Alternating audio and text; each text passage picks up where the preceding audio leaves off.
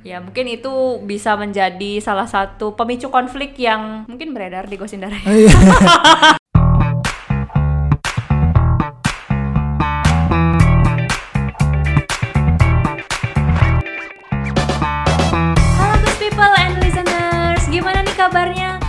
udah lama banget nih Rizka nggak sapa Ghost People and Listeners. Hari ini kita mau ngomongin topik dari online kelas 2 kemarin, yaitu tentang manajemen konflik. Mau tahu gimana caranya? Stay tune terus di Focus Voice of Ghost Podcast, segmen LDR, Learning dari Rumah, episode 2, Manajemen Konflik, Cara Memberi Masukan Jujur Tanpa Menyakiti. Di LDR 2 kali ini kita akan ngobrol langsung sama pemateri kita di online kelas kemarin yaitu Bang Erwin. Halo Bang, kita ketemu lagi.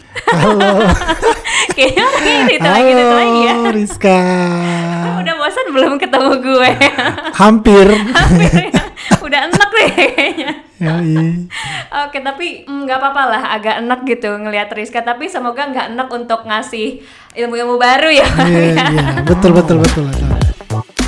Sebenarnya nih bang, konflik itu apa sih? Konteksnya organisasi ya, atau di kantor gitu? Konflik itu sebenarnya secara sederhana adalah hubungan antara dua pihak atau lebih yang memiliki sasaran atau pemahaman yang tidak sama. Kalau misalnya di dalam konteks organisasi, sebenarnya organisasi itu syarat akan konflik terdiri dari beberapa orang. Jadi kalau orang-orangnya ini udah berbeda, pasti kecenderungan untuk terjadi konflik itu besar sekali. Hmm, iya sih bener juga. Misalkan nih sama pasangan aja yang cuman berdua bisa konflik gitu ya. Iya. Jadi gimana yang banyak orang gitu Banyak pasti. orang. eh, Kecuali pasangannya banyak ya. oh.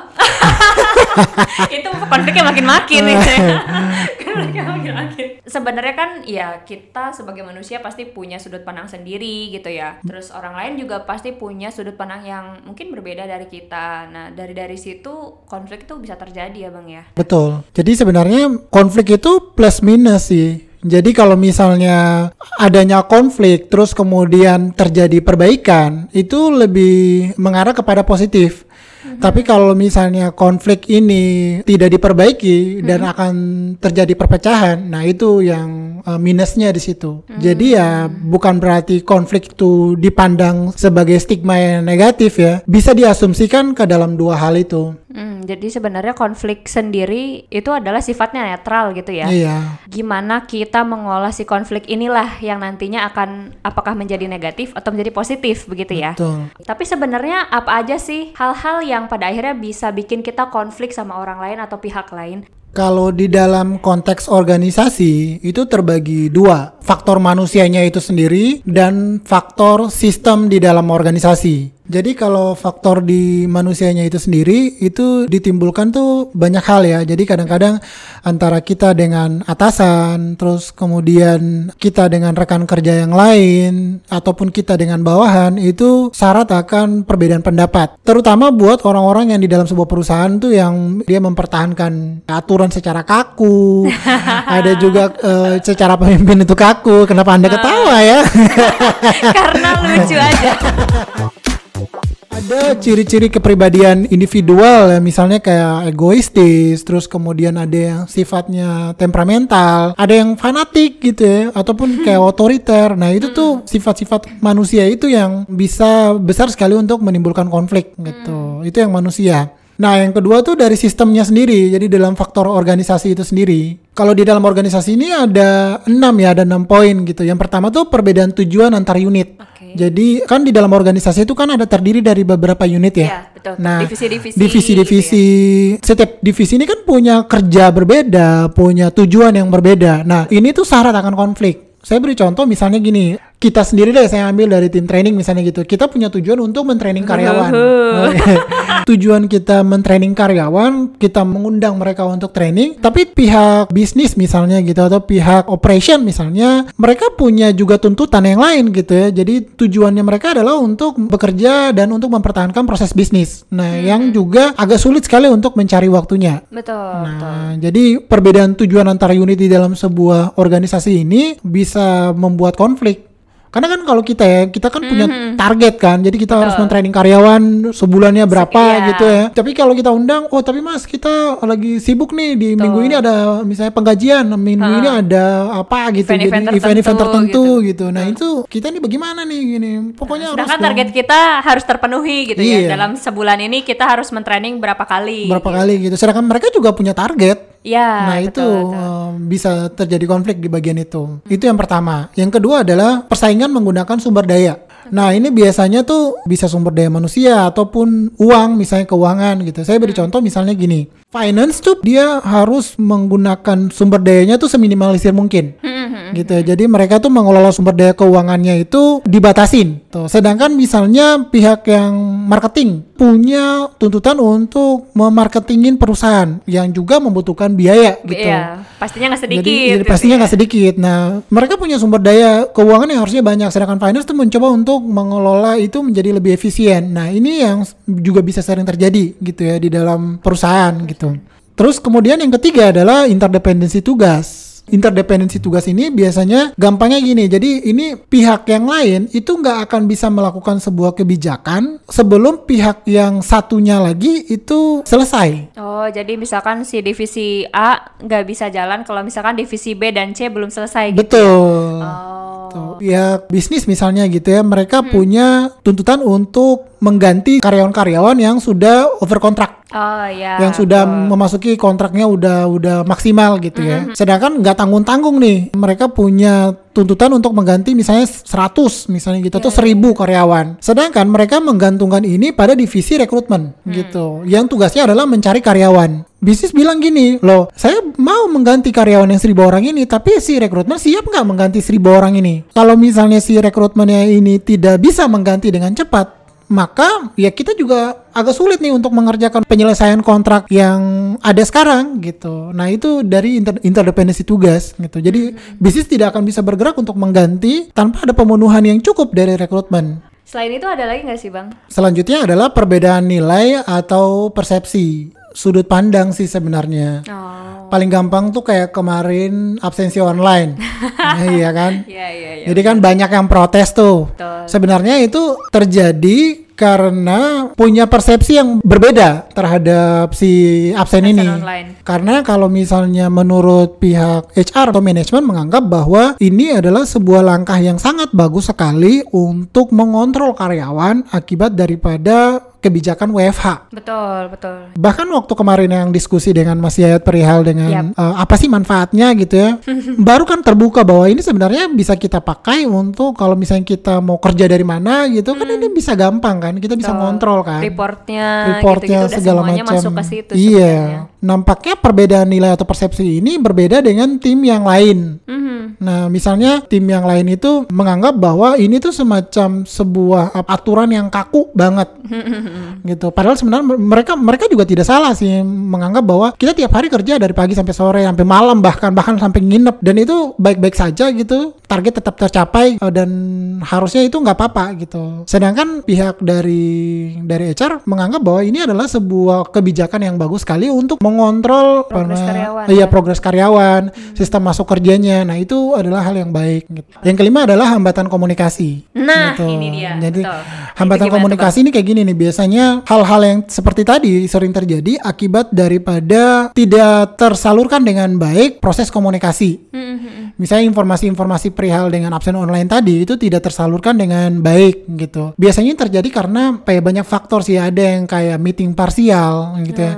Jadi mengadakan meeting hanya di grup-grup kecil dan membebankan orang lain untuk menerjemahkan kepada bawahannya gitu. Itu paling sering memunculkan konflik gitu ya. Kemudian perbedaan tempat kerja tuh misalnya kayak kita Lokasi, nih ya dari BSD, NK gitu ya. Dan kadang-kadang kan kalau ketemu langsung kan lebih lebih apa ya lebih Sebenarnya nyaman lebih enak ya, benar. gitu jadi em, karena tidak ketemu jarang ketemu gitu terus kemudian ada perbedaan tujuan dengan segala macam itu akan berpotensi sekali untuk menimbulkan konflik konflik. Selain itu ada lagi nggak sih? Nah, yang terakhir adalah masalah status. Biasanya sih um, Maksudnya status jomblo Oh, gitu? bukan oh, bukan, dong, bukan, oh, gitu. bukan. Jadi Oh, jabatan maaf, misalnya maaf gitu ya.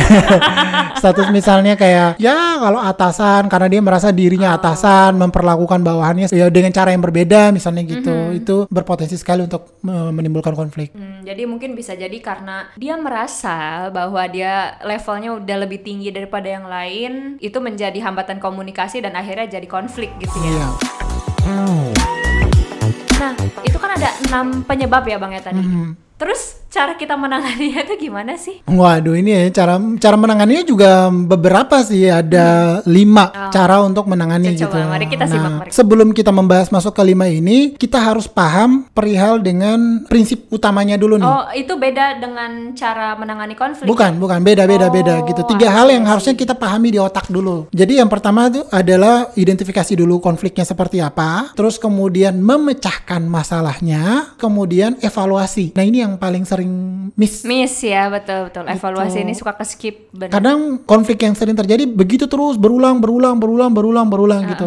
Melakukan strategi penyelesaian konflik, iya strategi itu ya terus yang dipakai. Jadi konfliknya sendiri yang nggak pernah di diredam. Iya, iya, benar, Jadi benar, menggunakan strategi itu doang gitu. Ibaratnya gini nih, ada sumber api, apinya nyala gitu. Kita hanya matikan apinya tapi tidak menutup sumber apinya. Kalau ada identifikasi, biasanya sampai di pemecahan masalah. Jadi identifikasi dipecahkan, tapi dievaluasi jarang sekali. Nah, ini yang Hmm, betul. tiga konsep ini yang harusnya dipegang teguh sebelum menyelesaikan. Jadi pada saat kita mau mulai untuk menyelesaikan menggunakan sebuah metode konf- penyelesaian konflik, fokusnya sampai dengan sampai evaluasi Satu rangkaian itu pokoknya harus selesai harus sampai semua selesai. ya? Iya, Ah, gitu. I- Kayak contoh tadi yang membahas tentang misalnya meeting parsial. Iya, iya. Oke, dengan meeting parsial dengan kan ada kan media misalnya Hire Info podcast. Eh, iya sih, itu merupakan sebuah media. Tapi kalau misalnya akar masalahnya adalah meeting selalu parsial, maka akan selalu muncul terus Iya, konfliknya betul, gitu. betul, betul.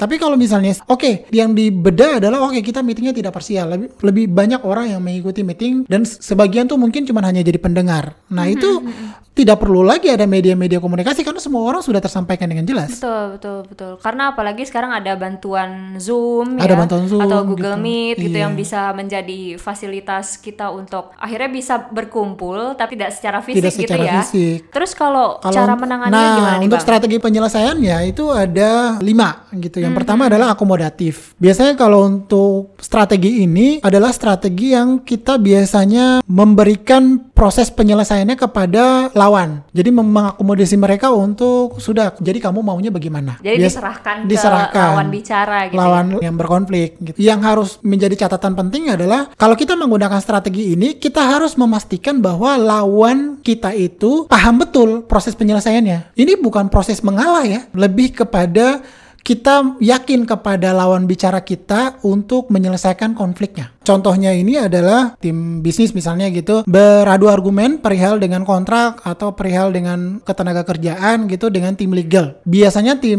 bisnis dan lain- kita yang lain yang tidak mempunyai pengetahuan banyak perihal dengan hukum ya sudah. Padahal saya sebenarnya pinginnya karyawannya ini harus tetap stay. Tapi dari pihak legal misalnya mengatakan bahwa ini harus segera diselesaikan gitu.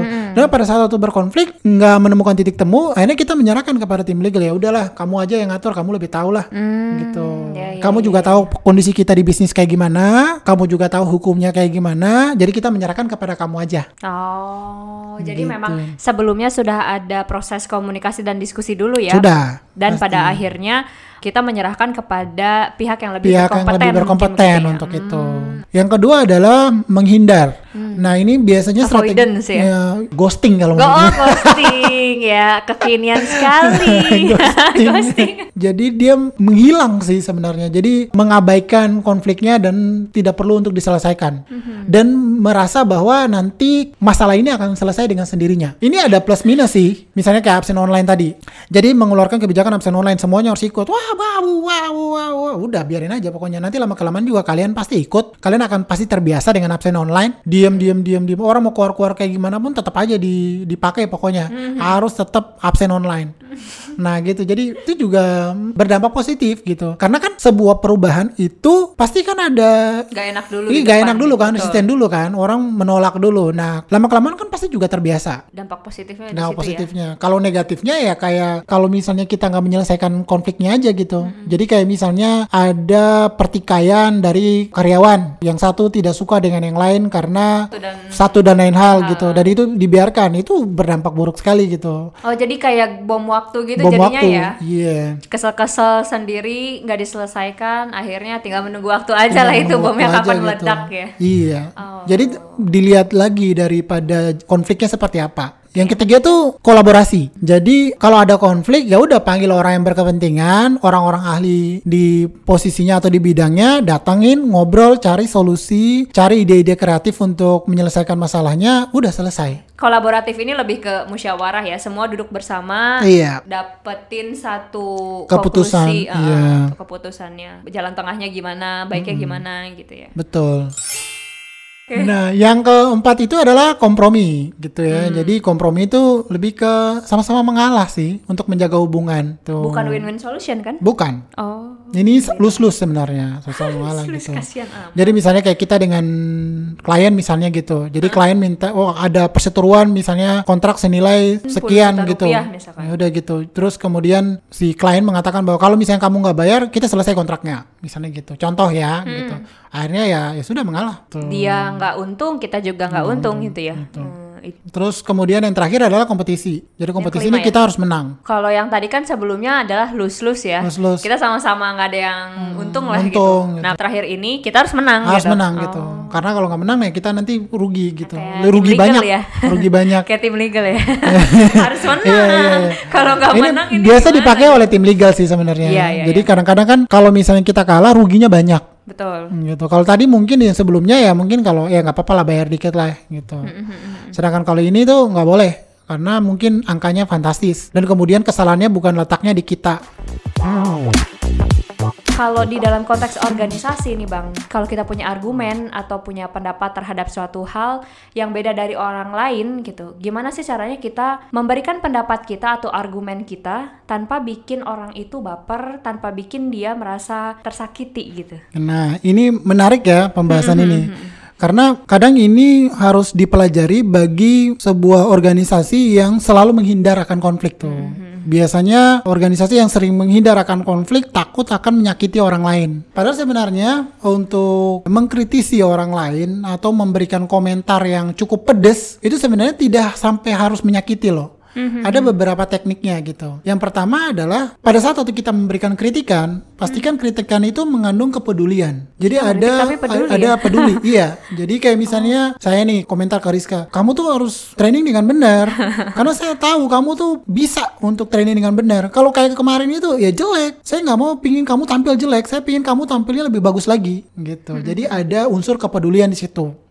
Dan yang kedua adalah ada unsur tantangan. Jadi memberikan kritikan itu ada menantang di situ. Jadi misalnya kayak gini, ke depan saya pingin kamu bisa nggak lebih bagus lagi. Saya nggak mau ya yang kayak gitu ya, yang kayak kemarin-kemarin itu ya. Ke depan saya pikir kamu lebih bagus lagi. Saya pingin lihat nih kamu coba ke depan bisa lebih bagus atau enggak. Buktikan pada saya. Nah itu kan orang tuh kan tidak merasa sakit hati karena merasa bahwa orang yang mengkritik dia memang care sama dia dan juga berharap dia berkembang. Hmm, Gitu, Karena dengan- secara tidak langsung si orang yang ngasih kritikan ini dia tahu potensi kita gitu bahwa Betul. si oh berarti gua tuh bisa lebih bagus lagi gitu kan. Iya.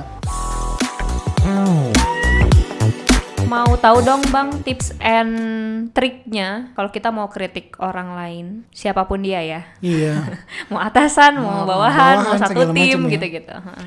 Yang paling penting tuh lihat dulu orang itu seperti apa, kondisinya dia seperti apa, apa yang dia mau. Biasanya ada dua tipe orang di dalam organisasi gitu ya. Ada yang bentuknya adalah orang yang batu aja gitu ya, yang dia cuman hanya mau untuk di posisi itu, nggak peduli mau di- dinaikin jabatan atau tidak, pokoknya dia udah nyaman dengan pekerjaannya dia. Dan yang kedua adalah orang yang dia tuh ambis banget. Punya ambisi punya pribadi ambisi gitu ya. pribadi. Biasa yang ngejar jabatan misalnya gitu.